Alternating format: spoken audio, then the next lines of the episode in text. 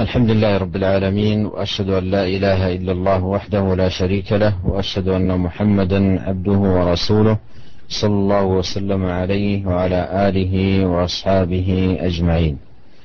أما بعد أيها الإخوة المستمعون إن من أعظم نعم الله سبحانه وتعالى على هذه الأمة أن أنزل الله عز وجل وحيه الحكيم وذكره الكريم وكلامه العظيم القرآن الكريم. على عبده ورسوله نبينا محمد صلى الله عليه وسلم. وإنه لتنزيل رب العالمين نزل به الروح الأمين على قلبك لتكون من المنذرين بلسان عربي مبين. فهذه النعمة هي أعظم النعم وأكبر المنن التي امتن الله سبحانه وتعالى بها على عباده. ولهذا فإن الله عز وجل في سورة النحل التي هي سورة النعم لكثرة ما عدد الله سبحانه وتعالى فيها من نعمه على عباده ابتدأها الله سبحانه وتعالى بهذه النعمة. قال أتى أمر الله فلا تستعجلوه سبحانه وتعالى عما يشركون. ينزل الملائكة بالروح من أمره على من يشاء من عباده. فبدأ بهذه النعمة التي هي من أجل النعم وأعظمها.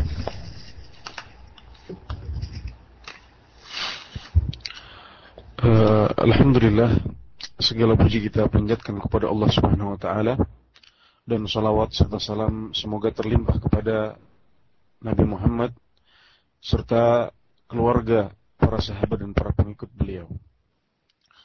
Para pendengar sekalian, di antara nikmat Allah yang paling agung untuk umat ini adalah diturunkannya Al-Quran kepada mereka. Wahyu Allah yang bijaksana, zikir yang mulia, dan Al-Quran yang sangat agung. Yang diturunkan dari Tuhan semesta alam. Dalam sebuah ayat disebutkan bahwasanya Al-Quran adalah diturunkan dari Tuhan semesta alam dengan lisan Nabi Muhammad agar beliau menjadi bagian dari para pemberi peringatan. Karena di awal surat An-Nahl Allah Subhanahu wa taala memulai surat ini dengan menyebutkan nikmat diturunkannya Al-Quran.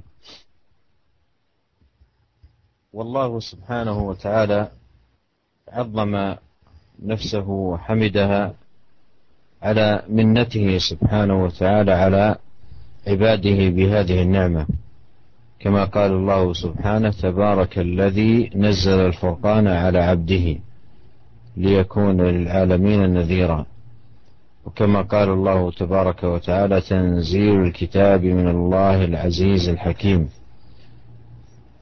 إنا أنزلنا إليك الكتاب بالحق فاعبد الله مخلصا له الدين. ألا لله الدين الخالص. والآيات في هذا المعنى عديدة.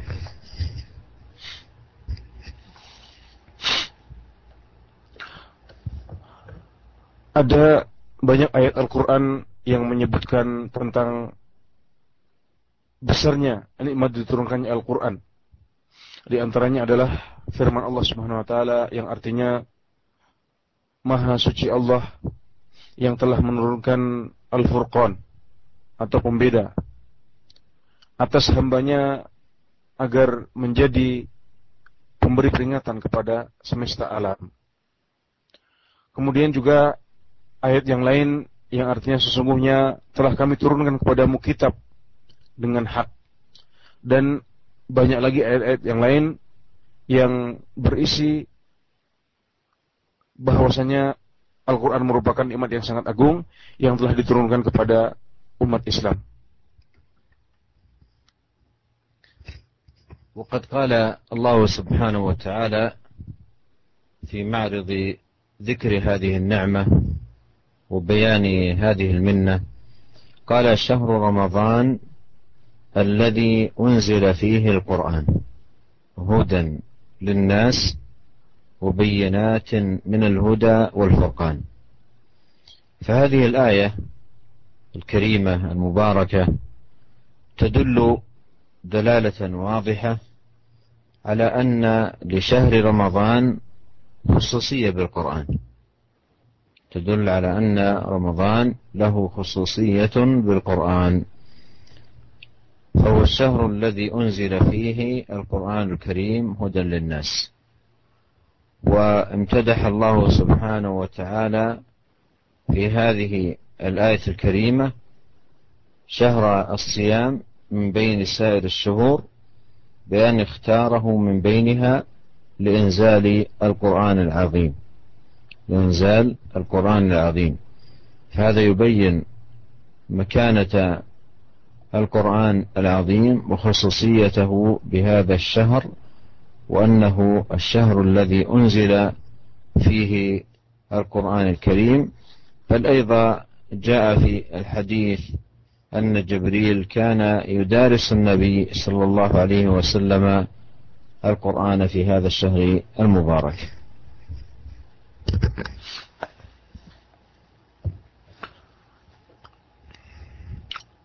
Dalam sebuah ayat Allah Ta'ala berfirman dalam konteks menyebut kenikmatan diturunkannya Al-Quran kepada umat Islam dengan berfirman yang artinya dan bulan Ramadan yang telah diturunkan di dalamnya Al-Quran sebagai petunjuk bagi manusia dan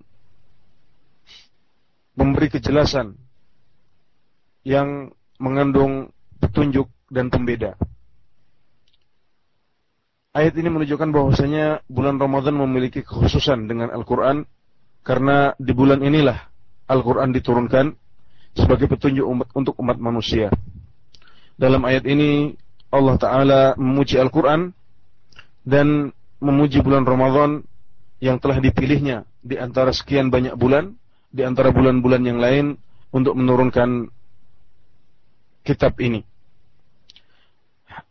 Ayat di atas juga menunjukkan bahwasanya juga menunjukkan uh, kedudukan Al-Quran dan kekhususan bulan Ramadan dengannya. Dan dalam sebuah hadis disebutkan bahwasanya malaikat Jibril mengulang Al-Quran yang telah turun kepada Nabi Muhammad SAW. Artinya tadarus tadarus Al-Quran dengan Nabi Muhammad SAW pada bulan Ramadan.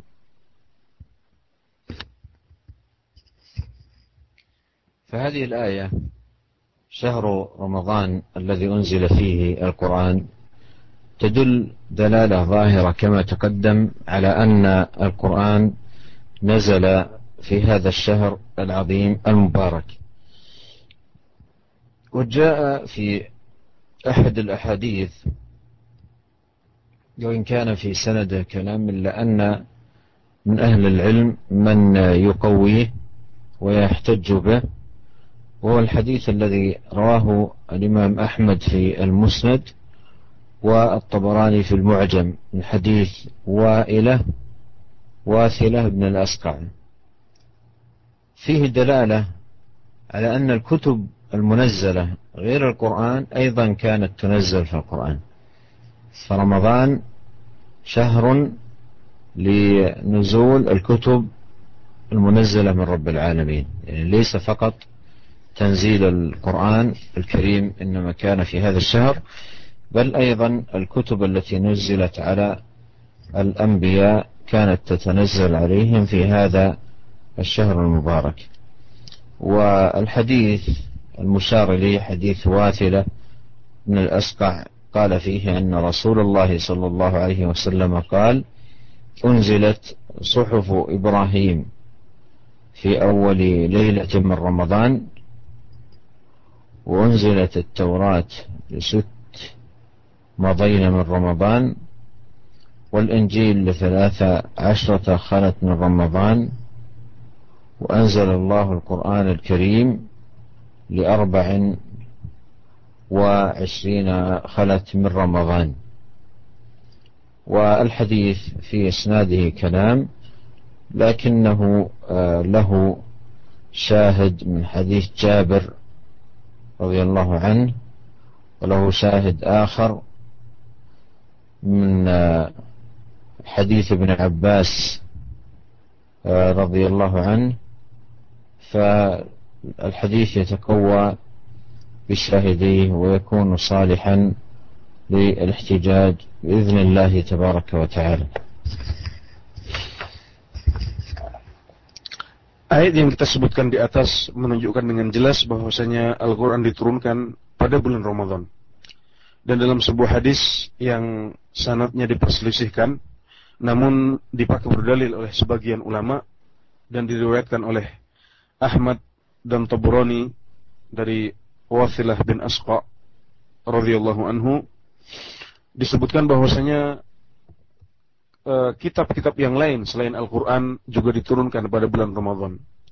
Jadi bukan Quran saja, namun kitab-kitab yang diturunkan sebelum Al-Quran juga diturunkan pada bulan Ramadan. Hadis yang dimaksud yaitu hadis Wathilah bin Asqa bunyinya adalah atau artinya adalah uh, suhuf Nabi Ibrahim atau kitab Nabi Ibrahim diturunkan pada malam pertama bulan Ramadan. Sedangkan Taurat diturunkan pada hari ke-6 bulan Ramadan. Injil diturunkan pada tanggal 3 pada malam tanggal 13 bulan Ramadan dan Al-Qur'an diturunkan pada malam tanggal 24 bulan Ramadan. Hadis ini seperti kita sebutkan di atas diperselisihkan sanatnya. Namun hadis ini memiliki syahid atau hadis penguat dari riwayat Jabir bin Abdullah dan Ibnu Abbas radhiyallahu anhum sehingga hadis Wathilah bin Asqa menjadi kuat dengan hadis Jabir dan Ibnu Abbas ini. ثم إن نزول الوحي على من قبل نبينا عليه الصلاة والسلام ونزول الكتب كانت الكتب في حق الأنبياء الأولين تنزل على النبي الذي نزلت عليه جملة واحدة تنزل عليه جملة واحدة. وأما القرآن الكريم فلمزيد شرفه وعظيم فضله فإنما نزل جملة واحدة إلى بيت العزة من السماء الدنيا. وكان ذلك في ليلة القدر من شهر رمضان. قال الله تعالى إنا أنزلناه في ليلة مباركة. وقال تعالى إنا أنزلناه في ليلة القدر. وقال تعالى شهر رمضان الذي أنزل فيه القرآن. فهو أنزل في شهر القرآن شهر رمضان وفي ليلة واحدة معينة منه وهي ليلة القدر كما يدل على ذلك قوله تعالى إنا أنزلناه في ليلة القدر. كما يدل على ذلك أيضا قوله تبارك وتعالى إنا أنزلناه في ليلة مباركة. فدلت هذه الآيات على أن القرآن أنزل في ليلة واحدة توصف بأنها ليلة مباركة وهي ليلة القدر وهي من ليالي شهر رمضان المبارك.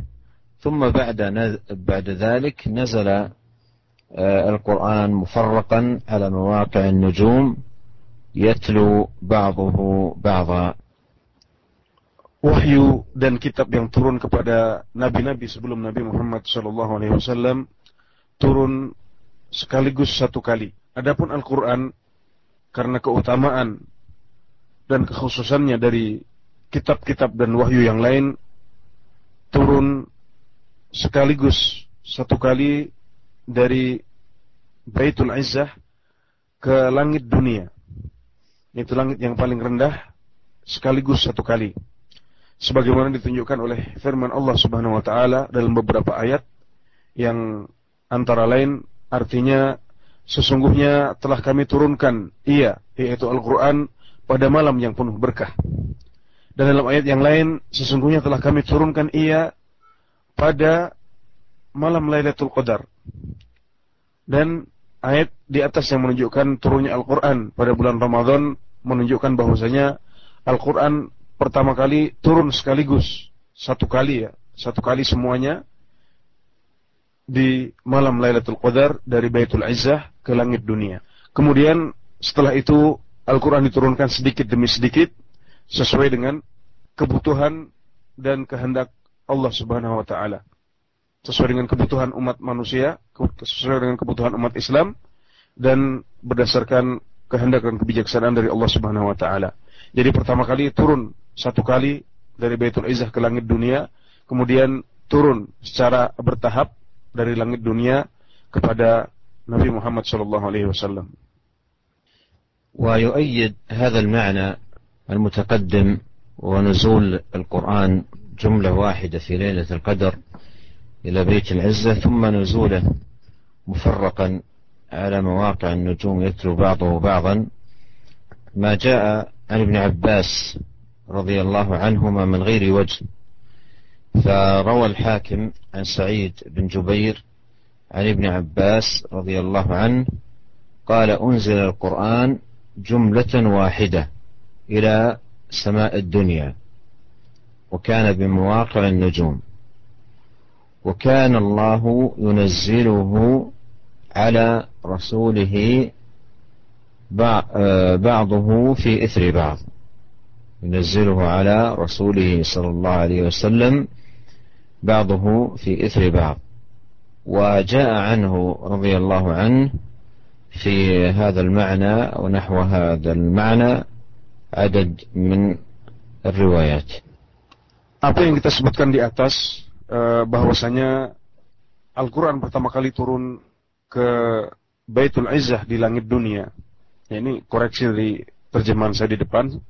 Yang benar adalah bahwasanya pertama kali Al-Quran turun ke Baitul Izzah di langit dunia. Jadi bukan dari Baitul Izzah ke langit dunia, tapi turun dari Allah Subhanahu wa taala ke Baitul Izzah di langit dunia sekaligus semuanya sekaligus dalam satu waktu. Kemudian Al-Quran diturunkan sedikit demi sedikit secara bertahap kepada Nabi Muhammad Wasallam. Dan apa yang kita sebutkan di depan diperkuat oleh sebuah hadis atau sebuah athar yang diriwayatkan oleh Al-Hakim dari Ibnu Abbas radhiyallahu anhu di mana beliau berkata Al-Qur'an diturunkan sekaligus satu kali ke langit dunia. Dan Allah Subhanahu wa taala menurunkan Al-Qur'an kepada nabinya sedikit demi sedikit sebagian mengikuti sebagian yang lain. ثم إن الحكمة في هذا النزول للقرآن الكريم هي تعظيم القرآن الكريم وأن تبقى له مكانة عظيمة ومنزلة علية في النفوس. فالحكمة من ذلك تعظيم القرآن الكريم وتعظيم أمر من نزل عليه القرآن وهو الرسول عليه الصلاة والسلام. وكذلك تعظيم الشهر الذي نزل فيه القرآن وهو شهر رمضان. تبقى له مكانة وخصوصية ومنزلة في قلوب المسلمين لكونه الشهر الذي خصه الله سبحانه وتعالى في بنزول القرآن فيه. وأيضا تعظيم ليلة القدر وهي الليلة التي أنزل فيها القرآن. كما مر في الآية الكريمة إنا أنزلناه في ليلة القدر. وهي ليلة عظيمة. خير الليالي وأعظمها على على الإطلاق. خير الليالي وأعظمها على الإطلاق وهي ليلة خير من ألف شهر. وقد فخم الله سبحانه وتعالى أمرها في سورة القدر. إنا أنزلناه في ليلة القدر. وما أدراك وما أدراك ما ليلة القدر. ليلة القدر خير من ألف شهر. تنزل الملائكة والروح فيها بإذن ربهم من كل أمر. سلام هي حتى مطلع الفجر.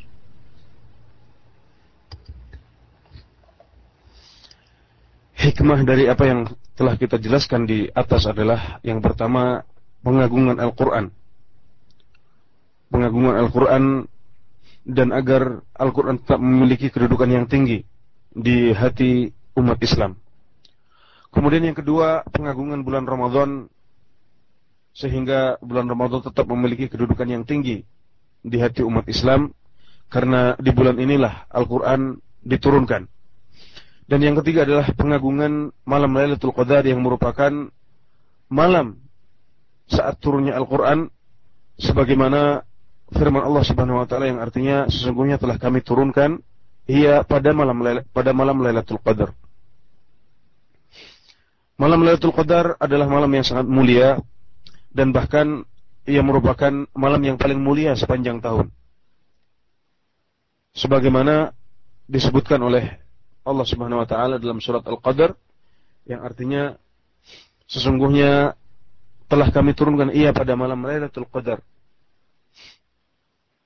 Dan apakah yang kamu ketahui tentang Lailatul Qadar? Lailatul Qadar lebih baik daripada seribu bulan. Para malaikat dan Jibril turun di dalamnya dengan izin dari Tuhan mereka. Malam itu adalah malam kedamaian sampai terbitnya fajar. ثم إن ما تقدم يدل أعظم دلالة على عظم شأن شهر الصوم شهر رمضان المبارك وأن له خصوصية بالقرآن إذ فيه حصل للأمة ما من الله سبحانه وتعالى عليهم بهذا الفضل العظيم نزول وحيه العظيم وكلامه الكريم المشتمل على الهداية. كما قال الله هدى للناس وبينات من الهدى والفرقان. الهداية لمصالح الدين والدنيا وفيه تبيان الحق بأوضح بيان وفيه الفرقان بين الهدى والباطل والحق والضلال الظلمات والنور. فحقيق بشهر هذا فضله وهذا إحسان الله على عباده على عباده فيه أن يعظموه وأن يكرموه وأن يحسنوا ضيافته ووفادته وأن يجعلوه موسما للعبادة وزادا ليوم المعاد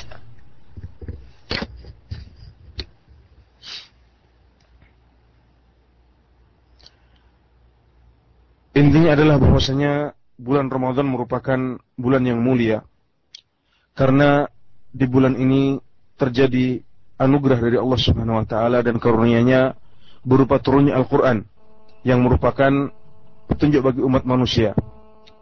Sebagaimana firman Allah yang telah kita sebutkan di depan, petunjuk bagi umat manusia dan berisi penjelasan atau keterangan yang mengandung hidayah dan pembeda antara kebenaran dan kebaikan, antara kebenaran dan kebatilan.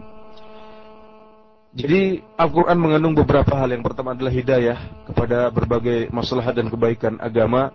Kemudian yang kedua penjelasan dan pembeda antara kebaikan dan keburukan. Karenanya hendaknya umat Islam semuanya menghormati dan mengagungkan bulan Ramadan serta menjadikannya sebagai bulan ibadah dan waktu untuk menambah bekal untuk kehidupan akhirat.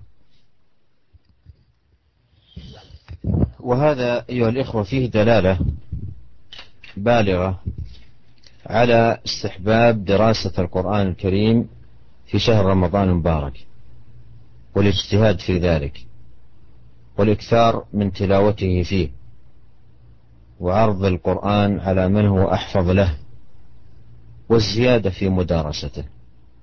وقد روى البخاري ومسلم عن ابن عباس رضي الله عنهما قال كان النبي صلى الله عليه وسلم أجود الناس وكان أجود ما يكون في رمضان حين يلقاه جبريل فيدارسه القرآن وكان جبريل يلقاه كل ليلة من رمضان فيدارسه القرآن فلرسول الله صلى الله عليه وسلم حين يلقاه جبريل أجود بالخير من الريح المرسلة. فقد كان صلى الله عليه وسلم يطيل القراءة في قيام رمضان بالليل أكثر من غيره. وهذا أمر يشرع لكل من أراد أن يزيد في القراءة ويطيل وكان يصلي لنفسه فليطول ما شاء. وكذلك من صلى بجماعة يرضون بصلاته في قيام الليل يطيل ما شاء. وأما ما سوى ذلك فالمشروع التخفيف. قيل للإمام أحمد قيل للإمام أحمد رحمه الله تعالى عن الإمام كيف أو بكم يصلي لجماعته؟ قال هؤلاء قوم ضعفاء اقرأ آه، خمسا ستا سبعا أحد الأئمة سأل الإمام أحمد رحمه الله عن قدر القراءة. فقال هؤلاء قوم ضعفاء اقرأ خمسا ستا سبعا. قال فقرأت أي بهذه الطريقة فختمت ليلة سبع وعشرين. فأرشده رحمه الله تعالى أن يراعي حال المأمومين. لكن لو كان الإنسان يصلي وحده أو يصلي مع جماعة يطيقون ذلك فيطول فيهم. في قيام الليل. الشاهد أنه يشرع قيام الليل برمضان والإكثار من تلاوة القرآن وسماع كلام الله سبحانه وتعالى فينبغي على المسلم أن يحرص على صلاة التراويح مع الجماعة لسماع القرآن الكريم وأيضا يحرص على أن يتلو القرآن في ليالي رمضان وأيام هذا الموسم الفاضل والشهر الكريم Berbagai dalil yang sudah kita sebutkan di depan menunjukkan secara jelas bahwasanya di bulan Ramadan ini kita disyariatkan untuk memperbanyak mempelajari Al-Quran, memperbanyak membacanya dan tadabbur ayat-ayatnya atau membaca apa yang sudah kita hafal kepada orang-orang yang lebih baik bacaan dan hafalannya dari kita. Juga disunatkan untuk memperbanyak tadarus Al-Quran dalam bulan Ramadan ini. Dalam sebuah hadis disebutkan bahwasanya Rasulullah SAW adalah orang yang paling dermawan. Dan beliau paling dermawan saat bertemu dengan Jibril. Di mana malaikat Jibril menemui beliau setiap malam dan bertadarus Al-Quran dengan beliau. Mengulang kembali apa yang telah diturunkan kepada Nabi Muhammad berupa ayat-ayat Al-Quran. Kemudian Ibnu Abbas di hadis ini mengatakan dan Rasulullah SAW saat bertemu dengan Jibril itu lebih dermawan sangat dermawan bahkan lebih lebih cepat daripada angin yang berhembus atau angin yang ditiup. Jadi disyariatkan bagi umat Islam bagi kaum muslimin untuk memperbanyak bacaan Al-Qur'an juga disyariatkan kepada para imam untuk membaca lebih banyak daripada bacaan mereka di luar bulan Ramadan. Suatu saat Imam Ahmad bin Hambal ditanya oleh seseorang berapa sebaiknya seorang imam membaca dalam bulan Ramadan. Maka beliau mengatakan mereka adalah orang-orang yang lemah. Maksudnya para makmum adalah orang-orang yang lemah. Maka bacalah lima ayat atau enam ayat atau tujuh ayat dalam dalam satu rakaat. Maka si penanya mengatakan, maka saya pun membacanya sehingga saya menghatamkan Al-Quran dalam bulan Ramadan pada tanggal 27. Jadi di samping kita memperhatikan disyariatkannya membaca Al-Quran dan memperpanjang bacaan pada bulan Ramadan, kita juga harus memperhatikan kondisi makmum yang sholat di belakang kita. Intinya, umat Islam selama bulan Ramadan ini disunatkan untuk memperbanyak bacaan Al-Quran, baik dengan membacanya langsung maupun dengan menghadiri sholat-sholat jamaah sehingga bisa mendengarkan ayat-ayat Al-Quran sebanyak mungkin. ولهذا جاء عن السلف رحمهم الله تعالى آثار كثيرة في شأن القرآن في رمضان والحث على تلاوته في رمضان وبيان مكانته في هذا الشهر العظيم الفاضل. فكان الأسود رحمه الله يقرأ القرآن في كل ليلتين في رمضان. وكان النخعي يفعل ذلك في العشر الأواخر منه خاصة وفي بقية الشهر في ثلاث. وكان قتادة رحمه الله يختم في كل أسبوعين يختم في كل سبع سبعة أيام دائما وفي رمضان في كل ثلاثة أيام وفي العشر الأواخر كل ليلة. وكان الزهري إذا دخل رمضان قال إنما هو تلاوة القرآن وإطعام الطعام. وكان مالك رحمه الله إذا دخل رمضان يفر من قراءة الحديث ومجالسة أهل العلم ويقبل على تلاوة القرآن من المصحف. وكان قتادة يدرس القرآن في شهر رمضان. وكان سفيان الثوري إذا دخل رمضان ترك جميع العبادة وأقبل على تلاوة القرآن والآثار في هذا المعنى عنهم كثيرة Dari generasi awal umat Islam diriwayatkan banyak kisah atau banyak teladan tentang bagaimana mereka membaca Al-Quran dan memperhatikan bacaan Al-Quran selama bulan Ramadan. Disebutkan bahwasanya Al-Aswad membaca Al-Quran setiap dua malam. Artinya beliau menyelesaikan bacaan Al-Quran setiap dua malam. Jadi setiap malam boleh membaca 15 juz. Kemudian An-Nakhai diriwayatkan bahwasanya beliau melakukan hal itu pada 10 malam terakhir. Dan di luar 10 malam terakhir beliau menghatamkan Al-Quran setiap tiga malam. Jadi An-Nakhai membaca Al-Quran 15 juz setiap malam pada 10 malam terakhir. Dan membaca 10 juz di hari-hari yang lain. Jadi dari awal Ramadan sampai tanggal 20, beliau membaca 10 juz setiap malam. Kemudian setelah tanggal 21, beliau membaca 15 juz setiap malam. Sedangkan dari Qatadah diriwayatkan bahwasanya beliau membaca Al-Quran, beliau menyelesaikan bacaan Al-Quran setiap seminggu sekali di luar bulan Ramadan. Adapun di bulan Ramadan, beliau menghatamkan Al-Quran setiap tiga malam. Dan di sepuluh malam terakhir secara khusus, beliau khatam setiap malam. Ini diriwayatkan dari dari Qatadah. Sedangkan Imam Malik bin Anas diriwayatkan bahwasanya beliau selama bulan Ramadan meninggalkan hadis. Jadi meninggalkan pencarian atau pembacaan hadis. Beliau juga meninggalkan ilmu-ilmu yang lain dan beliau sepenuhnya menghadap kepada Al-Quran dengan banyak membacanya. Demikian juga diriwayatkan dari Qatadah dan Sufyan Ats-Tsauri dan kisah teladan yang lain masih banyak lagi. ومما ينبغي أن يحرص عليه المسلم مع هذا الكتاب العظيم أن يحرص على تدبر القرآن على قدر استطاعته وجهده. فقد قال الله سبحانه وتعالى أفلا يتدبرون القرآن ولو كان من عند غير الله لوجدوا فيه اختلافا كثيرا. وقال تعالى كتاب أنزلناه إليك مبارك ليدبروا آياته وليتذكر أولو الألباب.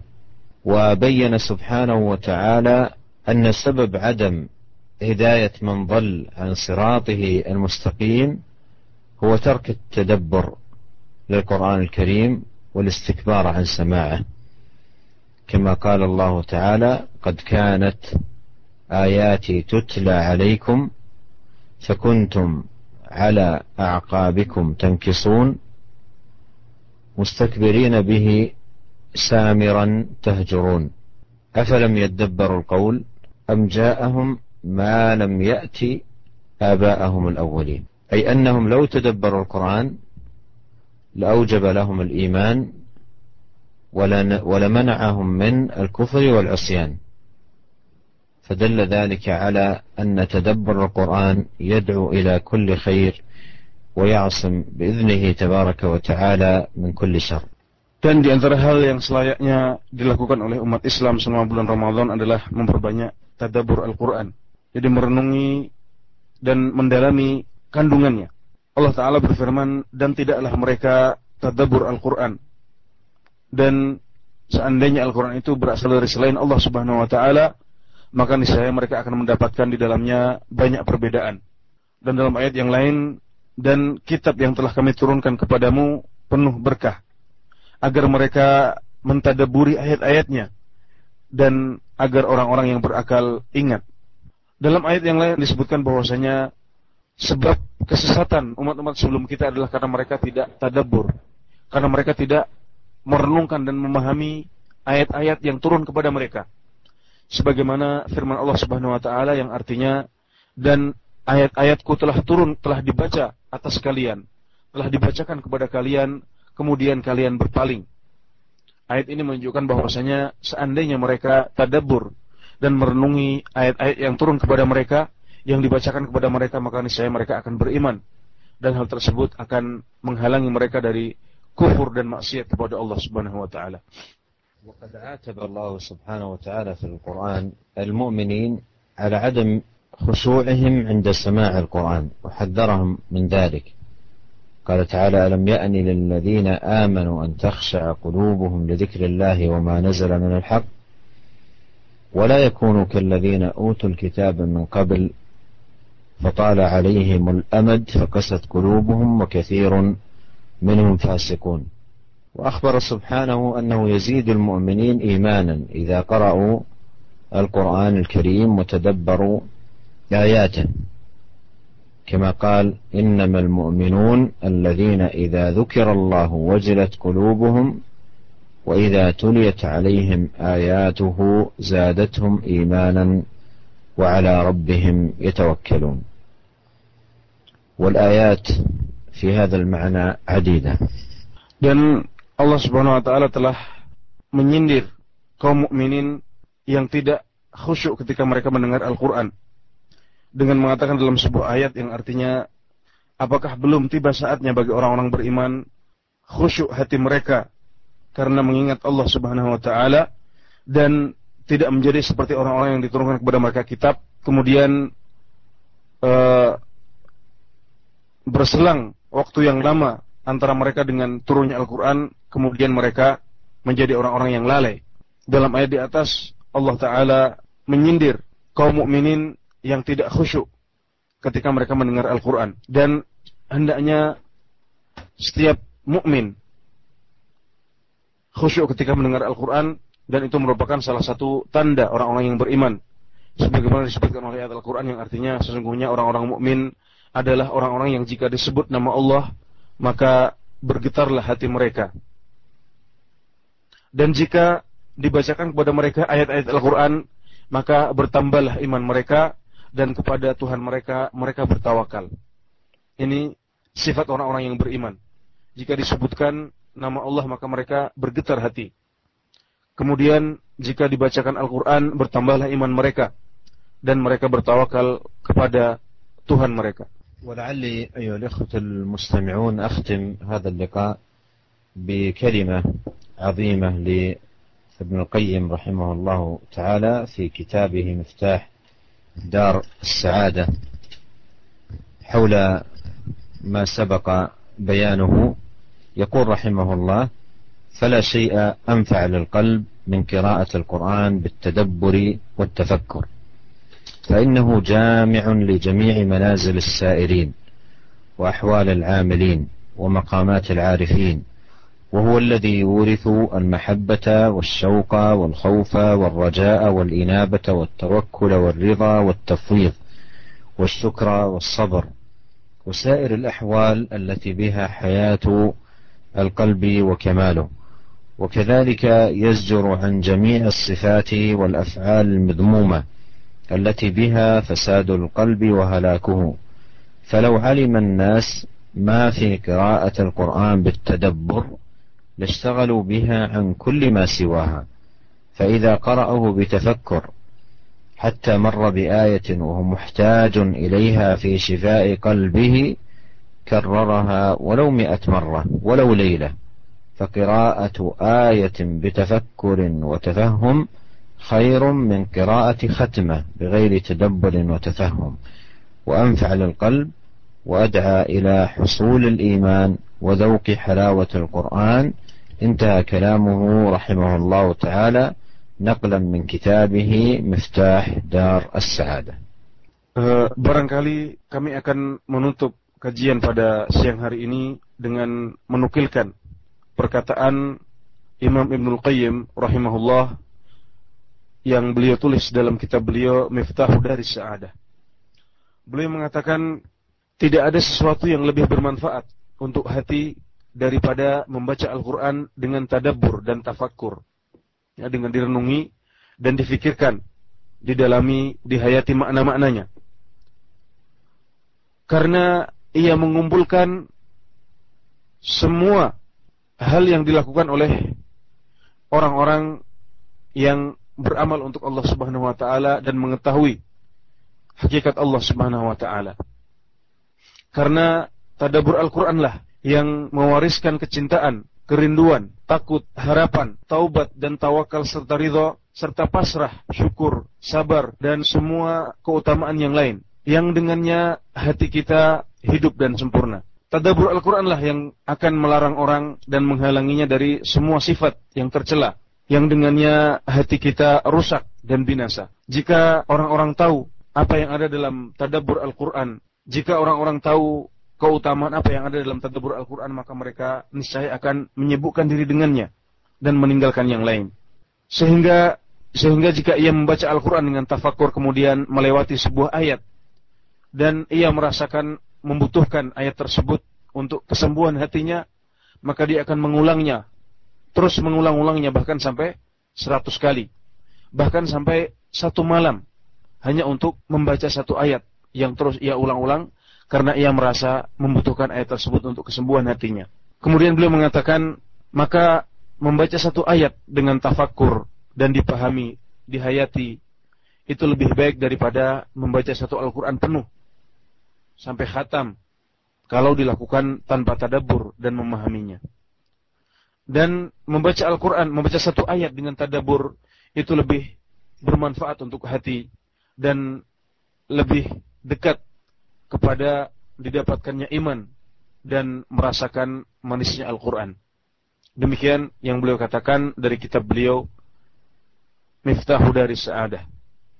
هذا وأسأل الله الكريم أن يمن علينا بتلاوة القرآن وقراءته وتدبره على الوجه الذي يرضيه وأن يجعلنا جميعا من أهل القرآن الذين هم أهل أهل الله وخاصته وأن يرفعنا بالقرآن وأن ينفعنا به وأن يجعل القرآن العظيم ربيع قلوبنا ونور صدورنا وجلاء أحزاننا وذهاب همومنا وأن يصلح لنا شأننا كله وأن يغفر لنا ولوالدينا وللمسلمين والمسلمات والمؤمنين والمؤمنات الأحياء منهم الأموات إنه تبارك وتعالى سميع قريب مجيب. الله أعلم. وصلى الله وسلم على عبده ورسوله نبينا محمد وآله وصحبه أجمعين.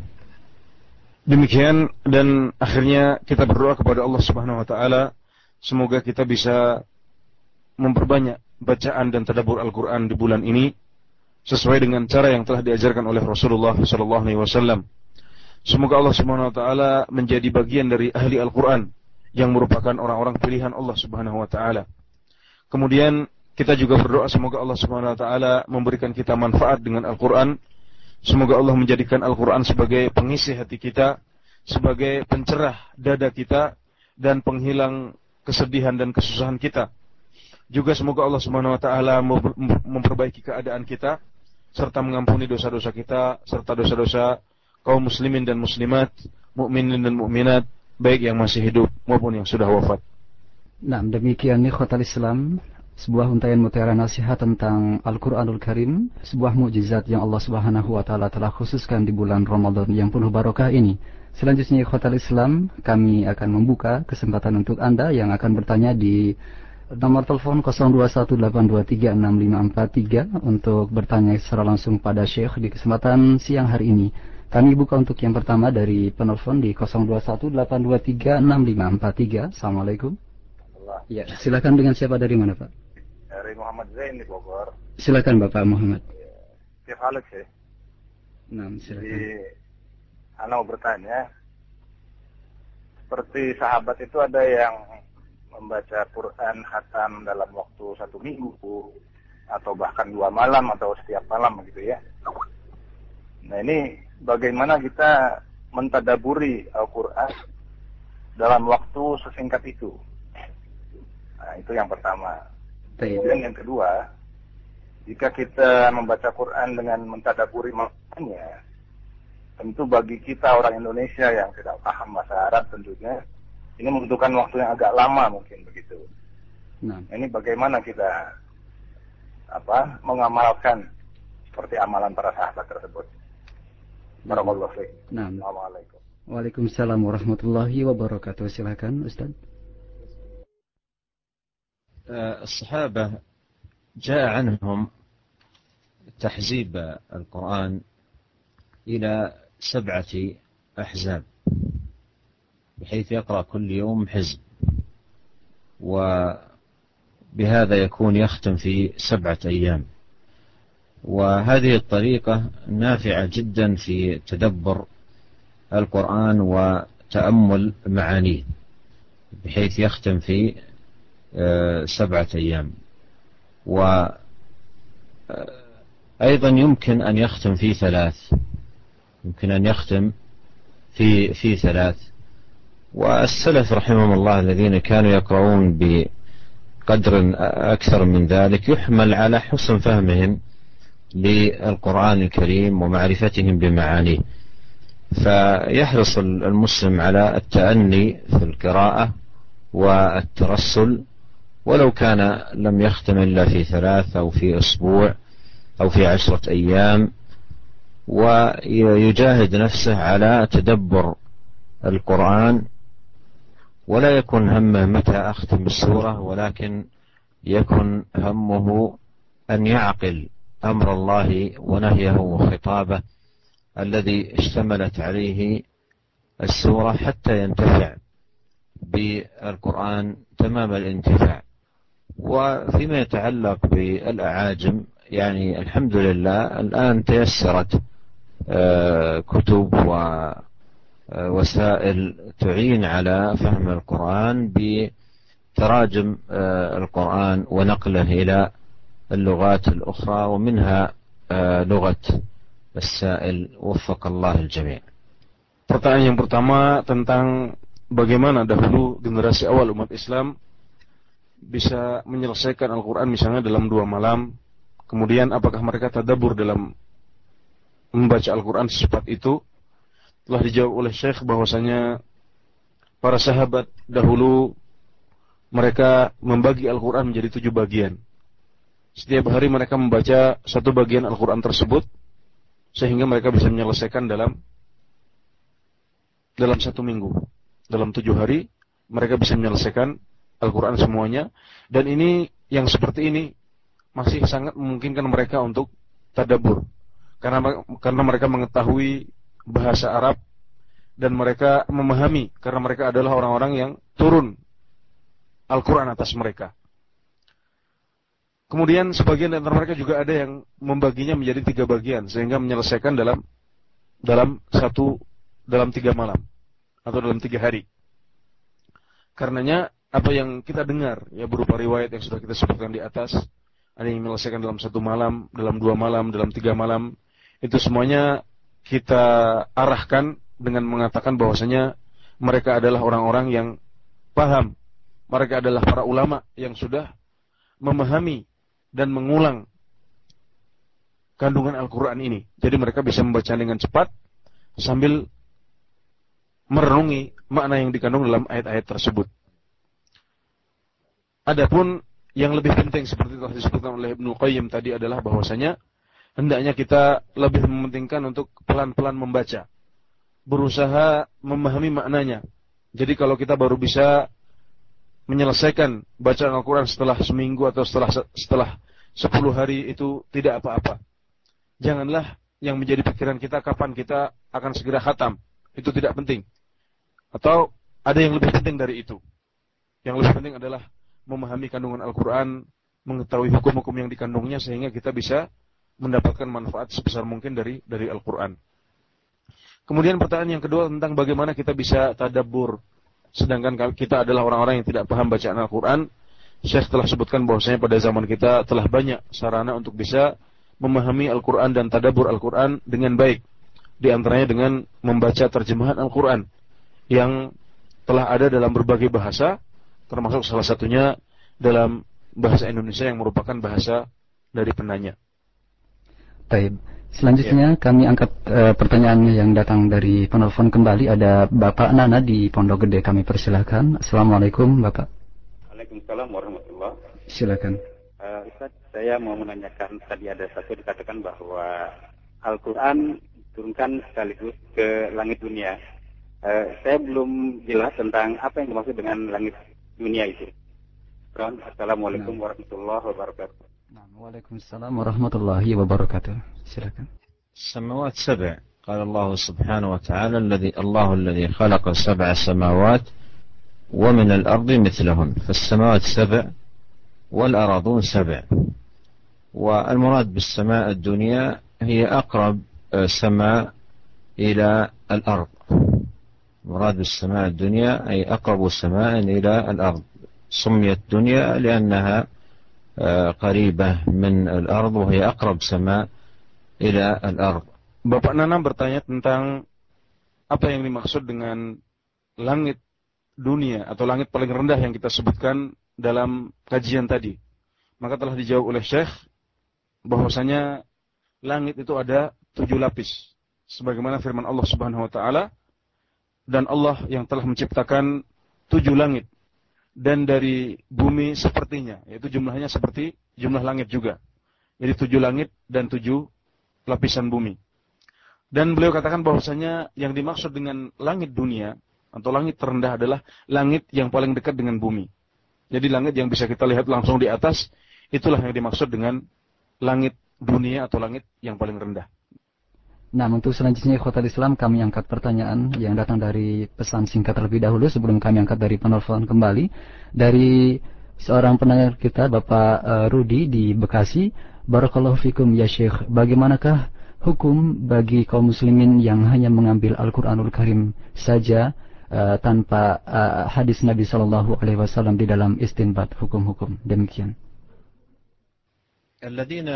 يعرفون ويصفون أنفسهم بأنهم القرآنيون هم آه، ويكتفون بالقرآن ولا يعملون بالسنة هم في الحقيقة ليسوا من أهل القرآن ولا يصح أن يوصفوا بهذا الوصف القرآنيون لأنهم في الحقيقة ليسوا من أهل القرآن ولا من أهل العمل بالقرآن لأن القرآن مليء بالآيات التي فيها الأمر بالأخذ بسنة النبي صلى الله عليه وسلم وهديه. فإذا تركوا السنة يكونون بذلك قد تركوا القرآن الكريم. ومن الآيات في هذا المعنى قول الله سبحانه وتعالى وما آتاكم الرسول فخذوه وما نهاكم عنه فانتهوا. وقول الله سبحانه وتعالى فليحذر الذين يخالفون عن أمره أن تصيبهم فتنة أو يصيبهم عذاب أليم.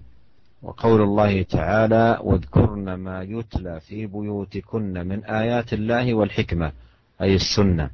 وقول الله سبحانه وتعالى وما كان لمؤمن ولا مؤمنة إذا قضى الله ورسوله أمرا أن يكون لهم الخيرة من أمرهم ويقول الله سبحانه وتعالى فإن تنازعتم في شيء فردوه إلى الله والرسول إن كنتم تؤمنون بالله واليوم الآخر ذلك خير وأحسن تأويلا.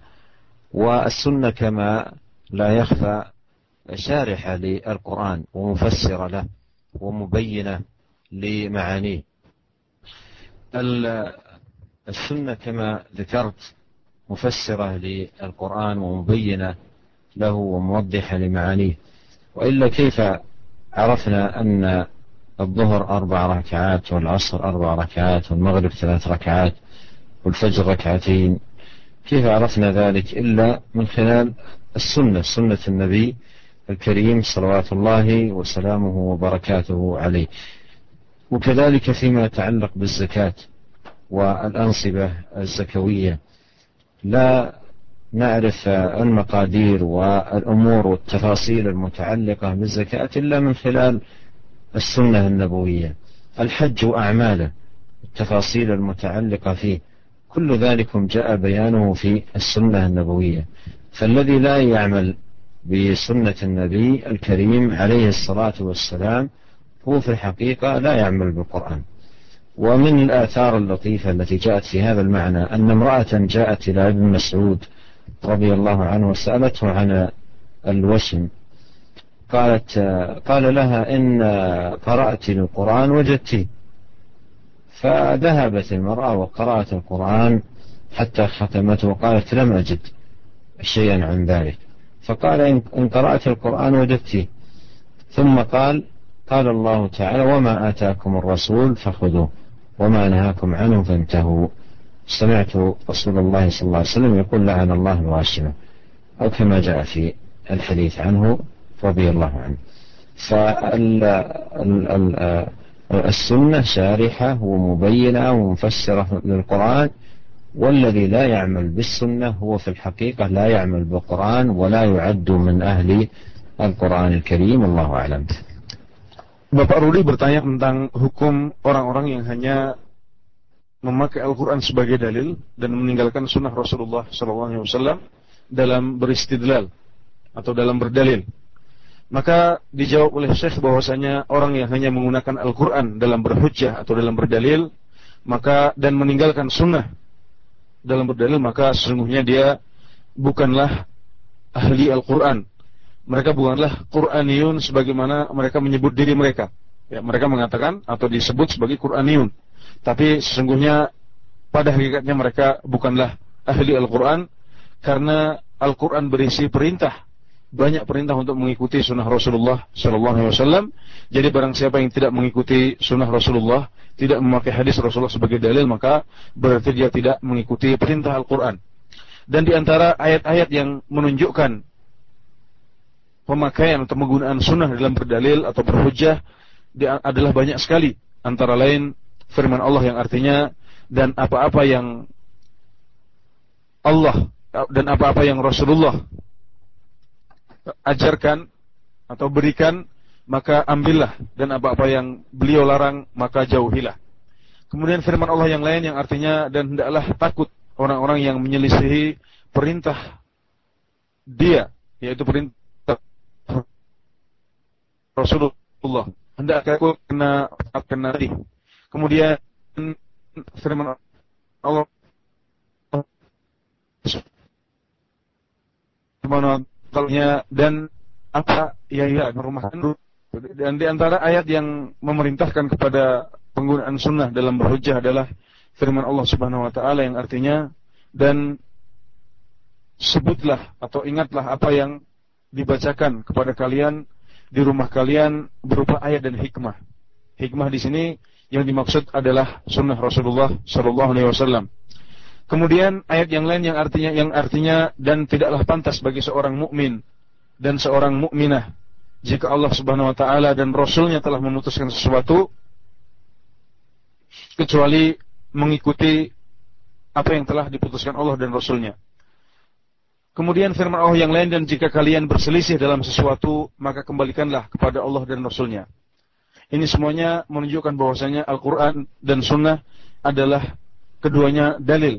Keduanya harus kita pakai dalam berhujjah dan tidak boleh mencukupkan Al-Quran tanpa Sunnah Rasulullah SAW. Kemudian perlu diketahui bahwasanya Sunnah Rasulullah adalah penjelasan dari Al-Quran. Karena bagaimana kita bisa mengetahui tata cara sholat, Bagaimana kita bisa mengetahui bacaan ruku, sujud, kemudian jumlah rakaat salat zuhur, salat asar, salat subuh. Juga perincian nisab zakat serta kadar zakat yang harus diberikan. Juga perincian tentang tata cara haji itu semuanya hanya ada dalam sunnah Rasulullah Shallallahu Alaihi Wasallam dan tidak ada perinciannya dalam dalam Al-Quran. Karenanya ada sebuah kisah menarik yang diriwayatkan dalam masalah ini, yaitu suatu saat ada seorang wanita yang bertanya kepada Abdullah bin Mas'ud radhiyallahu anhu tentang hukum tato. Dia bertanya, "Wahai Ibnu Mas'ud, saya tidak mendapatkan hukum tentang tato dalam Al-Qur'an." Maka Ibnu Mas'ud berkata, "Kalau kamu membaca benar-benar, kamu akan dapatkan. Kalau kamu sungguh-sungguh dengan teliti membaca Al-Qur'an, kamu akan dapatkan hukum tentang tato." Maka si wanita berkata, "Tidak wahai Ibnu Mas'ud, saya sudah baca Al-Qur'an semuanya, tapi tidak ada hukum tentang tato." Maka Ibnu Mas'ud mengatakan, tidakkah kamu mendengar atau pernah membaca ayat yang bunyinya wa ma atakumur rasulu fakhudhuh wa ma nahakum anhu fantahu? Tidakkah kamu mendengar ayat yang artinya dan apa-apa yang Allah dan apa-apa yang Rasul perintahkan maka taatilah atau ambillah dan apa-apa yang Rasul larang maka jauhilah. Sesungguhnya aku telah mendengar Rasulullah sallallahu alaihi wasallam mengatakan Allah melaknat orang-orang yang membuat tato atau Allah melaknat para wanita pembuat tato. Intinya Al-Quran dijelaskan oleh sunnah Rasulullah Sallallahu Alaihi Wasallam dan banyak hal yang tidak terdapat dalam Al-Quran dijelaskan dalam sunnah Rasulullah SAW. Kemudian Al-Quran memerintahkan untuk mengikuti sunnah, menjadikan sunnah sebagai hujah, maka barang siapa yang tidak menjadikan sunnah sebagai hujah dalam berdalil, maka berarti dia telah menyelisihi Al-Quran dan tidak mentaatinya, sehingga dia tidak berhak untuk disebut sebagai Quraniyun, sebagaimana yang dinisbatkan oleh orang-orang yang sebagaimana orang-orang yang meninggalkan sunnah disebut mereka mereka disebut sebagai Quraniun dan itu pada hakikatnya tidak benar. Baik, selanjutnya satu pertanyaan terakhir untuk kesempatan siang hari ini ada uh, Al Ahkorni di Depok. Kami persilakan untuk Anda. Assalamualaikum. Assalamualaikum. Ya, silakan. Ini, uh, di negeri kita uh, setiap 17 Ramadan dirayakan malam Nuzul Quran. Pertanyaannya, apakah betul uh, Al-Quran turun pada tanggal 17 dan apa yang nasihat saya kepada mereka yang sedang merayakan malam Nuzul Quran. Assalamualaikum. Nah, Waalaikumsalam warahmatullahi wabarakatuh. Silakan Ustaz.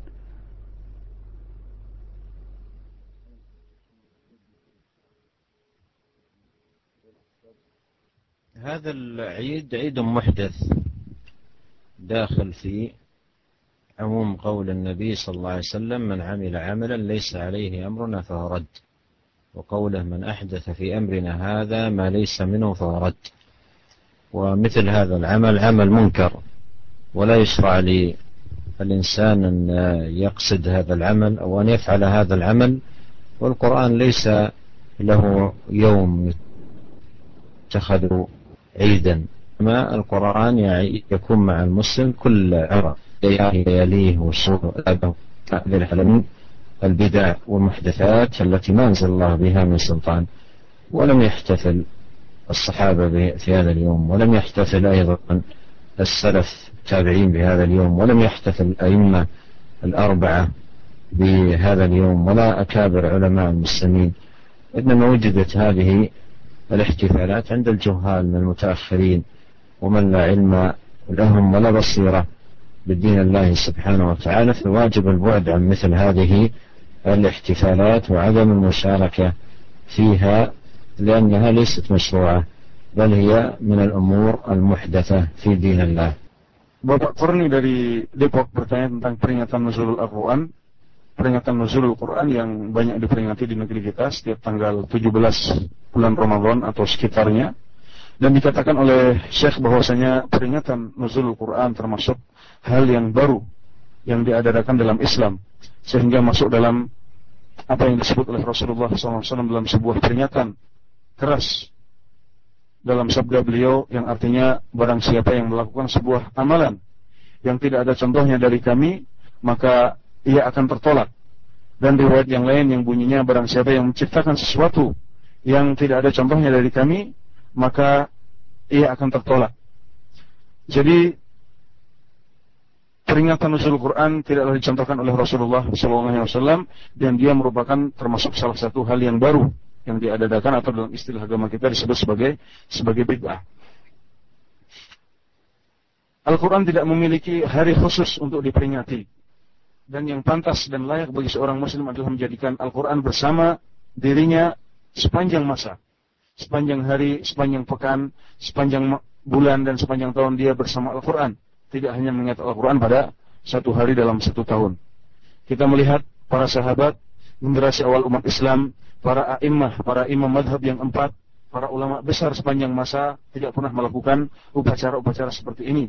Dan upacara peringatan Rasul Al-Quran baru muncul pada zaman-zaman belakangan, sehingga tidak pantas bagi seorang muslim untuk mengikutinya, dan yang wajib adalah menjauhi dan tidak ikut-ikut dalam upacara-upacara seperti ini. Eh, kemudian Syekh uh, memberikan kesempatan untuk pertanyaan yang lain. Akhirnya kami persilahkan untuk menambah bagi yang masih ingin bertanya. Baik. Kami persilakan untuk Anda Alhamdulillah ada kesempatan dan uh, waktu yang disampaikan kembali oleh Syekh di kesempatan siang hari ini. Kami persilakan untuk Anda di 0218236543 dan uh, dengan pesan singkat kami angkat uh, untuk selanjutnya dari pesan singkat dari Ummu Muhammad kemudian Ummu uh, Abdullah di, di Jakarta yang bertanya Barakallahu fikum ya Syekh uh, bagaimanakah kami kaum muslimah bermuamalah dengan Al-Qur'anul Karim uh, dalam kondisi haid ataupun nifas demikian المرأة الحائض والنفساء لا يجوز لها أن تلمس القرآن وأن تمسه بيدها. لا يجوز لها ذلك. لكن إذا قرأت من حفظها شيء من القرآن لا حرج عليها في ذلك. وكذلك إذا كان لها يعني حفظ وتراجع محفوظاتها ولم تمس المصحف وإنما فتح لها أو يعني كما بين بعض أهل العلم تقلبه بحائل يعني شيء لا تمس لا تمس القرآن مسا مباشرا. ففي مثل هذا أرجو إن شاء الله أنه لا بأس عليها. بخلاف الخلاف الجنوب الجنوب يعني طهارته بيده متى ما اغتسل حصلت الطهارة لكن هذه لا ليست طهارتها طهارتها بيدها بل يعني تحتاج أن تمكث أياما حتى يقف عنها هذا الدم دم الحيض أو دم النفاس. فإذا احتاجت إلى القراءة من صدرها أو بدون أن تمس المصحف فأرجو أنه لا حرج عليها إن شاء الله. Uh, pertanyaan dari Ummu Muhammad dan Ummu Abdillah yang bertanya tentang bagaimana kaum wanita bermuamalah dengan Al-Quran. Ketika mereka sedang haid atau nifas. Telah dijawab oleh Syekh bahwasanya seorang wanita yang sedang haid atau nifas, dia tidak boleh memegang Al-Quran dengan tangannya. Namun dia boleh untuk membaca Al-Quran dari hafalannya. Atau dibolehkan juga dia untuk mengulangi bacaan Al-Quran yang sudah dihafal dengan uh, dibukakan oleh orang lain dibukakan oleh orang lain atau dibolehkan juga untuk memegang Al-Quran tidak dengan langsung. Artinya ada semacam kain atau yang lain yang digunakan untuk membuka mushaf sehingga tangannya tidak menyentuh langsung mushaf Al-Quran. Jadi e, demikianlah hukum seorang haid, orang yang sedang haid atau nifas dalam membaca Al-Quran. Kenapa? Karena e, orang haid tidak sama dengan orang yang junub. Orang yang junub dia bisa kapan pun untuk segera membersihkan diri dan mensucikan dirinya kemudian membaca Al-Quran. Adapun orang yang haid dan nifas, e, kesucian dirinya atau pensucian dirinya tidak berada di tangannya. Dia harus menunggu waktu selesai sehingga dikhawatirkan selama waktu tersebut hafalan dia hilang atau tidak bisa membaca Al-Quran atau berzikir kepada Allah Subhanahu Wa Taala. Karenanya dibolehkan bagi mereka untuk membaca Al-Quran dengan penghalang atau semacam kain yang tidak yang menjaga untuk. Ya, nah, baik. Kami angkat pertanyaan dari uh, saudara Komar di Bekasi untuk pertanyaan berikutnya. Assalamualaikum. Waalaikumsalam. Ya, silakan Akhi. Ini bagaimana cara kiat-kiat untuk mudah menghafal Quran karena kesibukan kita tiap harinya kita. Terima kasih. Ya, nah. Assalamualaikum warahmatullahi wabarakatuh. Nah, Waalaikumsalam warahmatullahi wabarakatuh. Silakan Ustaz. فيما يتعلق بحفظ القرآن يعني أفضل طريقة أن يخصص وقتا ثابتا للحفظ إما بعد الفجر أو بعد العصر ويكون وقت ثابت مستمر معه في كل أيامه لا يدخل عليه أي أمر آخر. فتثبيت وقت وأن يكون هناك شخص يعني يراجع عليه القرآن ويتابعه في حفظ القرآن ويستمر يكرر ومن أنفع ما يكون في هذا الباب أن يبكر للمسجد قبل كل صلاة إما قبل الأذان أو مع الأذان يوميا يبكر. فمثل هذا الاستمرار والطمأنينة ووجود وقت يجلسه في المسجد القرآن مع الأيام بإذن الله يعطي نتائج طيبة في حفظ القرآن وتثبيت حفظه. Bapak Komar dari Bekasi bertanya tentang uh, bagaimana kiat yang bisa kita tempuh untuk bisa menghafal Al-Quran. Dengan banyaknya kesibukan yang kita miliki. Dijawab oleh Syekh bahwasanya ada beberapa kiat yang bisa ditempuh untuk uh, hal tersebut. Antara lain yang pertama memilih waktu yang tepat, ya, waktu yang tepat dan terus menerus kita disiplin dan konsekuen untuk uh, mengikuti jadwal yang sudah kita yang sudah kita atur. Jadi misalnya setiap setelah subuh misalnya atau setelah sholat asar kita khususkan satu waktu tertentu untuk menghafal Al-Quran. Kemudian kita disiplin di atas jadwal tersebut. Kemudian yang kedua adalah hmm. uh, atau meminta lain untuk menjadi teman dalam ah mungkin cukup. Uh, kemudian meminta tolong orang lain atau memilih uh, orang lain untuk menjadi teman dalam menghafal sehingga bisa saling setor di antara mereka sehingga ini akan membantu untuk lebih semangat dan lebih kuat dalam menghafal.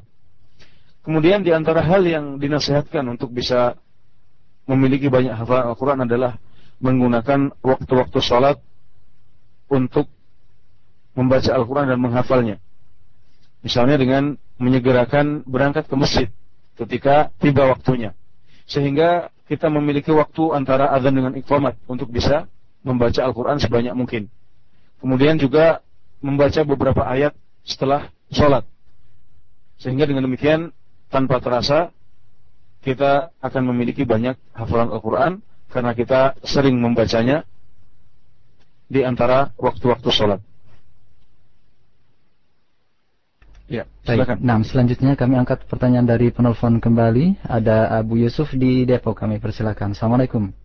Waalaikumsalam warahmatullahi wabarakatuh. Ya. Assalamualaikum Ustaz. Uh, saya ingin minta tolong diceritakan uh, sejarah Al-Quran itu sendiri. Uh, setahu saya kan uh, mushaf kita yang sekarang kita baca sekarang adalah mushaf Usmani ya Ustaz ya. Uh, waktu zaman Rasulullah kan ada beberapa macam beberapa macam mushaf. Uh, itu sampai sejauh mana perbedaan masing-masing mushaf gitu? Apakah ada hal-hal yang memang uh, satu hal yang memang apa e, berbeda menyorok sekali atau bagaimana hmm. saya ingin diceritakan tentang uh, sejarah sedikit sejarah tentang Al-Quran itu sendiri. Iya. Quran, terima kasih. Assalamualaikum warahmatullahi wabarakatuh. Nah, waalaikumsalam warahmatullahi wabarakatuh. Silakan. الذي حصل في زمن عثمان رضي الله عنه أنه جمع المصاحف التي كانت موجودة في الصحف وفي الجلود وفي آه، يحفظها الناس جمعها على مصحف واحد. وعرف بعد ذلك بمصحف عثمان وهو الذي عليه آه، المصحف إلى وقتنا الحاضر.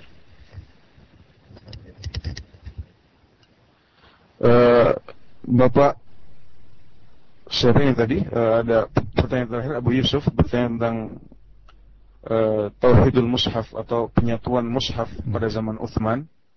Bagaimana sejarahnya? Ya, dijawab dengan singkat sekali oleh Syekh karena beberapa hal mungkin yang beliau lihat. Beliau mengatakan bahwasanya pada zaman Uthman yang terjadi adalah uh, Utsman uh, menyatukan mushaf-mushaf yang ada pada zaman beliau untuk maslahat umat Islam. Ya, itu yang dilakukan oleh beliau saat itu. Jadi beliau kumpulkan mushaf-mushaf yang ada, kemudian untuk masalah umat Islam beliau satukan menjadi satu mushaf saja dan itulah yang dipakai oleh umat Islam sampai zaman kita sekarang. Jadi para sahabat yang ada pada zaman Utsman semuanya juga sudah sepakat untuk uh, memakai mushaf tersebut dan tidak mempermasalahkan apa yang dilakukan oleh Utsman bin Affan radhiyallahu anhu. طيب أنت selanjutnya الذي حصل. تفضل شيخ. ألو؟ طيب تفضل يا شيخ. الذي حصل في زمن عثمان رضي الله عنه أنه جمع المصحف على حرف واحد. جاء في الحديث عن رسول الله صلى الله عليه وسلم إن هذا القرآن أنزل على سبعة أحرف فاقرأوا ما تيسر منه. وقد قال المحققون من أهل العلم إنها آه، متقاربة في المعنى مختلفة في الألفاظ. متقاربة في المعنى مختلفة في الألفاظ. فعثمان رضي الله عنه جمع آه، المصحف آه، على حرف واحد وكان جمعه لما لما تفرق وكان ذلك منه أيضا باستشارة الموجودين في زمانه من الصحابة كعلي بن أبي طالب وطلحة بن عبيد الله والزبير وغيرهم فأشاروا عليه بجمع القرآن على حرف واحد حتى لا يختلف الناس فجمعه رضي الله عنه وكون لجنة لهذا لهذا العمل من الصحابة عددهم أربعة. يرأسهم زيد بن ثابت رضي الله عنه فجمعوا القرآن على حرف واحد وكتبه ووزعه في الأقاليم حتى يعتمده الناس وحتى ينقطع النزاع أو ما أشبه ذلك في هذا الأمر والله تعالى أعلم.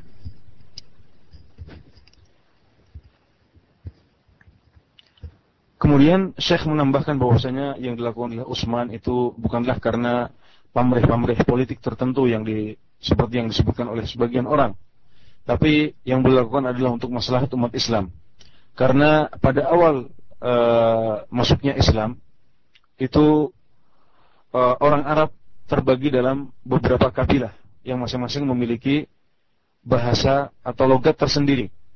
Karenanya Al-Quran sebagaimana disebutkan dalam sebuah hadis diturunkan dalam tujuh huruf. Tujuh huruf maksudnya tujuh bahasa utama orang Arab pada saat itu. Nah, sehingga uh, yang dijelaskan oleh para ulama adalah bahwasanya yang dimaksud dengan tujuh huruf ini adalah uh, tujuh bahasa utama orang Arab pada saat itu dan tujuh bahasa utama ini berdekatan secara makna namun berbeda secara lafaz saja. Jadi tidak ada hal-hal yang tidak ada perbedaan yang mencolok antara tujuh huruf ini, yang berbeda hanya lafadznya saja. Sehingga ketika Utsman bin Affan menjadikan semua huruf ini menjadi satu huruf saja, menjadi satu bahasa utama saja yaitu bahasa yang yang sampai sekarang kita pakai dalam Al-Qur'an, maka tidak ada sahabat yang memasalahkannya. Bahkan para sahabat juga dimintai petunjuk, dimintai pendapat mereka sebelum Utsman bin Affan melakukan hal ini kemudian beliau membentuk panitia yang terdiri dari empat sahabat dan diketuai oleh dan diketuai oleh Zaid bin Thabit. Jadi eh, dengan dijadikannya uh, Al-Quran menjadi satu huruf saja, menjadi satu bahasa utama saja, maka hilanglah perselisihan yang sempat muncul pada zaman Utsman karena perbedaan bahasa utama karena perbedaan huruf yang dibutuhkan pada awal Islam tapi tidak dibutuhkan lagi ketika Islam sudah tersebar di berbagai penjuru uh, jazirah Arab saat itu. Jadi jelaslah bahwasanya yang dilakukan oleh Utsman untuk masalah umat Islam, untuk menghindari perpecahan dan perselisihan di antara mereka bukan karena maksud-maksud politis tertentu yang seperti yang, di, yang didakwakan oleh sebagian orang nah. yang tidak mendapatkan petunjuk dari Allah Subhanahu wa taala. Baik Ustaz, uh, masih ada waktu untuk pertanyaan selanjutnya? Nah. Uh, Iya, silakan. Baik, uh, satu pertanyaan yang uh, sudah masuk ada dari Ibu Mudi di Pasar Minggu kami persilahkan. Assalamualaikum Ibu. Halo, Assalamualaikum Ustaz. Waalaikumsalam. Uh, mohon maaf Ibu dikecilkan radionya Ibu. Ada feedback Ibu. Uh, oh, dikecilkan radionya. Ya. Assalamualaikum Syekh. Saya mau tanya sebaiknya bagaimana sebagai uh, Ahmad uh, apa sebagai kita salat taraweh di masjid sedangkan masjid dekat lingkungan itu uh, masih umum yang kebanyakan gitu. Jadi yang banyak sekalian tidak ada contoh dari Rasulullah. Tapi ada masjid yang in, alhamdulillah sesuai syariat namun agak jauh gitu. Jadi apa anak sebaiknya harus keluar atau sholat di rumah saja? Iya. atau bagaimana? Baik, terima kasih Assalamualaikum. Nah. Assalamualaikum. nah. Waalaikumsalam warahmatullahi wabarakatuh. Silakan pertanyaan mengenai sholat tarawih bagi uh, wanita silakan الأفضل في فيما يتعلق بالمرأة أن تصلي في بيتها وأن تجعل لها يعني آه، وردا آه، تقوم به الليل في رمضان وتطيل آه، القراءة. الأفضل لها في بيتها. وإذا حبت أن تذهب إلى المسجد فلها ذلك للحديث. لا تمنعوا إماء الله مساجد الله. وإذا كان المسجد القريب من بيتها فيه مخالفات واضحة وبينة لما عليه النبي صلى الله عليه وسلم وصحابته الكرام ويوجد مسجد آخر وذهابها إليه لا يكون أيضا سبب لفتنة وتعرضها للشر أو الأذى لها أن تذهب لذلك خاصة إذا كانت تذهب مع محارمها من الرجال ذاهبة وراجعة. فلا حرج عليها في ذلك وصلاتها في بيتها أفضل Uh, pertanyaan dari ibu yang terakhir bertanya tadi adalah tentang hukum sholat tarawih bagi wanita. Ya. Dikatakan oleh Syekh bahwasanya uh, sholat tarawih itu untuk wanita sebaiknya dilakukan di rumah. Karena sholat seorang wanita di rumah lebih afdal daripada sholatnya di mana pun, termasuk di masjid, masjid yang utama. Jadi yang paling utama bagi para wanita adalah sholat tarawih di rumah masing-masing.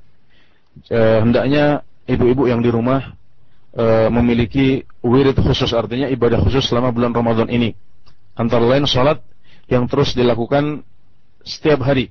Jangan sampai ditinggalkan karena ini kesempatan utama untuk kesempatan yang sangat bagus untuk beribadah kepada Allah Subhanahu wa taala. Jadi yang lebih utama sholat di rumah. Namun jika ingin sekali-kali sholat di masjid itu kan kami tidak boleh melarang karena Allah sudah kalulat Allah yang perempuan dari masjid-masjid. Ya, ini larangan untuk e, melarang kaum wanita dari masjid jika mereka menginginkan untuk pergi kepadanya suatu saat meskipun sholat di rumah lebih afdol. Nah. Kemudian jika ada masjid ya di wilayah terdekat yang jelas ada kesalahan ya jelas. Dikatakan oleh Syekh kesalahan yang jelas dan terang bukan kesalahan yang mungkin masih diperselisihkan maka e, dibolehkan untuk e, seseorang untuk pergi ke masjid yang lebih jauh jika masjid tersebut lebih dekat kepada pengamalan sunnah Rasulullah Sallallahu Alaihi Wasallam. Dan khusus wanita disyaratkan agar jangan sampai kepergian dia ke masjid yang lebih jauh menjadikan atau menyebabkan mafsadah atau kerusakan yang lain. Misalnya membuat dia digoda atau menggoda yang lain, maka ini jika seperti itu yang terjadi, dia tidak boleh dan lebih baik dia sholat di rumah saja. Jadi e, jawabannya adalah bahwasanya jika dia e, ingin pergi ke masjid yang lebih jauh, maka disyaratkan jangan sampai kepergian dia ke masjid yang lebih jauh, yang lebih dekat dengan sunnah, dengan pengamalan sunnah, menimbulkan e, pelanggaran atau penyelisihan agama yang lain. Hmm. Silakan. Nah, selanjutnya Kota Islam kami angkat pertanyaan ada seorang bapak di Cikarang. Kami itu silakan. Assalamualaikum. Waalaikumsalam. Iya, silakan. Uh, menyambung pertanyaan mengenai uh, terjadinya pembuatan kitab Al-Quran ya Pak. Uh, sementara yang saya dengar ya dan saya pernah baca juga itu suhuf-suhuf pertama katanya terbuat dari pelepah kurma dan lain sebagainya. Sekarang terbuat dari kitab dan permanen sekali. Apakah suatu kejadian itu bukan berarti adalah kebidahan Pak? Demikian Pak pertanyaan saya. Mohon jawaban dan urusannya Pak ya. Terima kasih. Wassalamualaikum warahmatullahi wabarakatuh. Assalamualaikum warahmatullahi wabarakatuh. Silakan Ustaz bisa menyimak dengan jelas. Nah. أنه كان في زمان النبي صلى الله عليه وسلم مكتوبا في جريد النخل في الجلد وغيره وغير ذلك.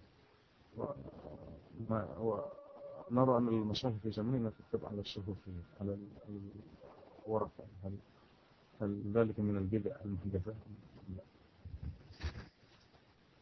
في زماننا وما قبله توفرت الأوراق آه، الجيدة بصناعات آه، حسنة وطيبة وبجلد طيب وفاخر. وهذه من آه، نعم الله سبحانه وتعالى وما يسره الله جل وعلا في هذا الزمان. وفي الزمن الأول كانت الأوراق موجودة لكن ليست بهذه الكثرة وهذا هذه الجودة. فكانوا يكتبون على المتيسر. يكتبون على المتيسر عندهم من الوسائل والأمور التي فيكتبون على الجلود ويكتبون على الرقاع ويكتبون على أشياء تستخرج من النخيل وغير ذلك فيكتبون على المتيسر. فكتابة القرآن في المصاحف يعني آه، ليس كما ذكر السائل أو آه، أشكل عليه من البدع بل هذا موجود في زمن النبي عليه الصلاة والسلام والذي وجد الآن في زماننا أن آه، يعني وسائل كتابة المصحف وطباعته أشياء حديثة الله سبحانه وتعالى أكرم بها الناس في هذا الزمان. وهذه الأعمال ليست من البدع لأن البدع من عمل عمل ليس عليه أمر النبي عليه الصلاة والسلام. وأما هذه من أمره صلى الله عليه وسلم وقد أمر بكتابة المصحف وله كتاب معروفين بكتاب الوحي مثل معاوية وأبي وغيرهما من أصحاب النبي صلى الله عليه وسلم. ولعلنا آه، شيخ فواز نكتفي بهذا القدر ولقاء الغد بإذن الله سبحانه وتعالى أيضا سيكون نعم. مع القرآن في شهر آه، القرآن. وأسأل الله لي ولكم ولجميع المستمعين التوفيق والسداد والعون على كل خير. وصلى الله وسلم على عبده ورسوله نبينا محمد وعلى آله وأصحابه أجمعين. وفي لقاء الغد أيضا سأعرض حديث في طريقة تحزيب الصحابة القرآن. فأرجو من الإخوة أن يتهيأوا لكتابة الحديث وطريقة تحزيب الصحابة للقرآن الكريم حتى نجتهد في سلوك طريقهم والسير على منهاجهم. والله أعلم وصلى الله وسلم على عبده ورسوله نبينا محمد وعلى آله وصحبه أجمعين.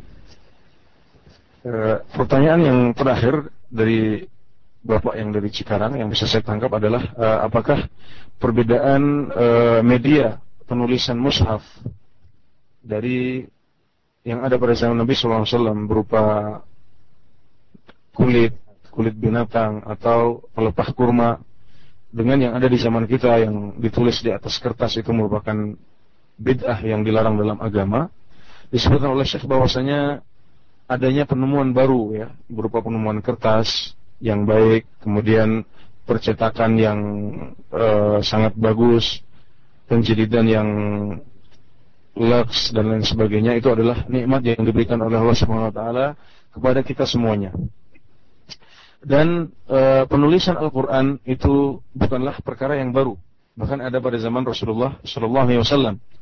Rasulullah memerintahkan agar mushaf ditulis dan beliau punya beberapa penulis wahyu yang kita kenal antara lain e, Muawiyah dan Ubay bin Ka'ab itu semuanya adalah penulis wahyu Rasulullah sallallahu alaihi wasallam.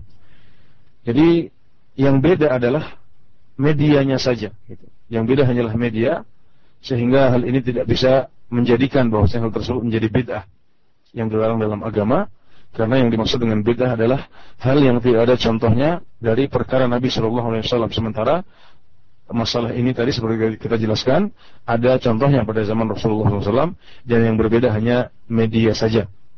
Ya, itu tidak menjadikan hal tersebut menjadi bid'ah yang dilarang dalam agama kita.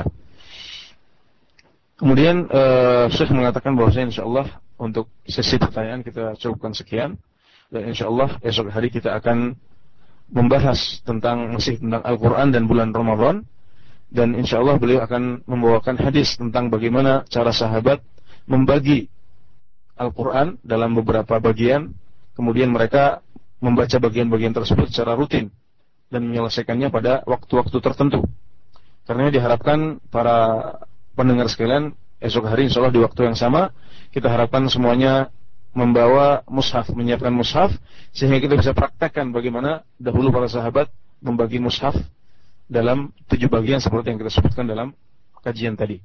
Kemudian di akhir kajian kita berdoa kepada Allah Subhanahu wa taala semoga diberikan petunjuk dan bimbingan. Semoga Allah Subhanahu wa taala memberikan taufiknya agar kita bisa mengisi bulan Ramadan ini dengan baik, bisa membaca Al-Qur'an dan tadabbur sebanyak mungkin. Kemudian semoga Allah taala melimpahkan salawat dan salam kepada Nabi Muhammad dan para keluarga dan sahabat beliau.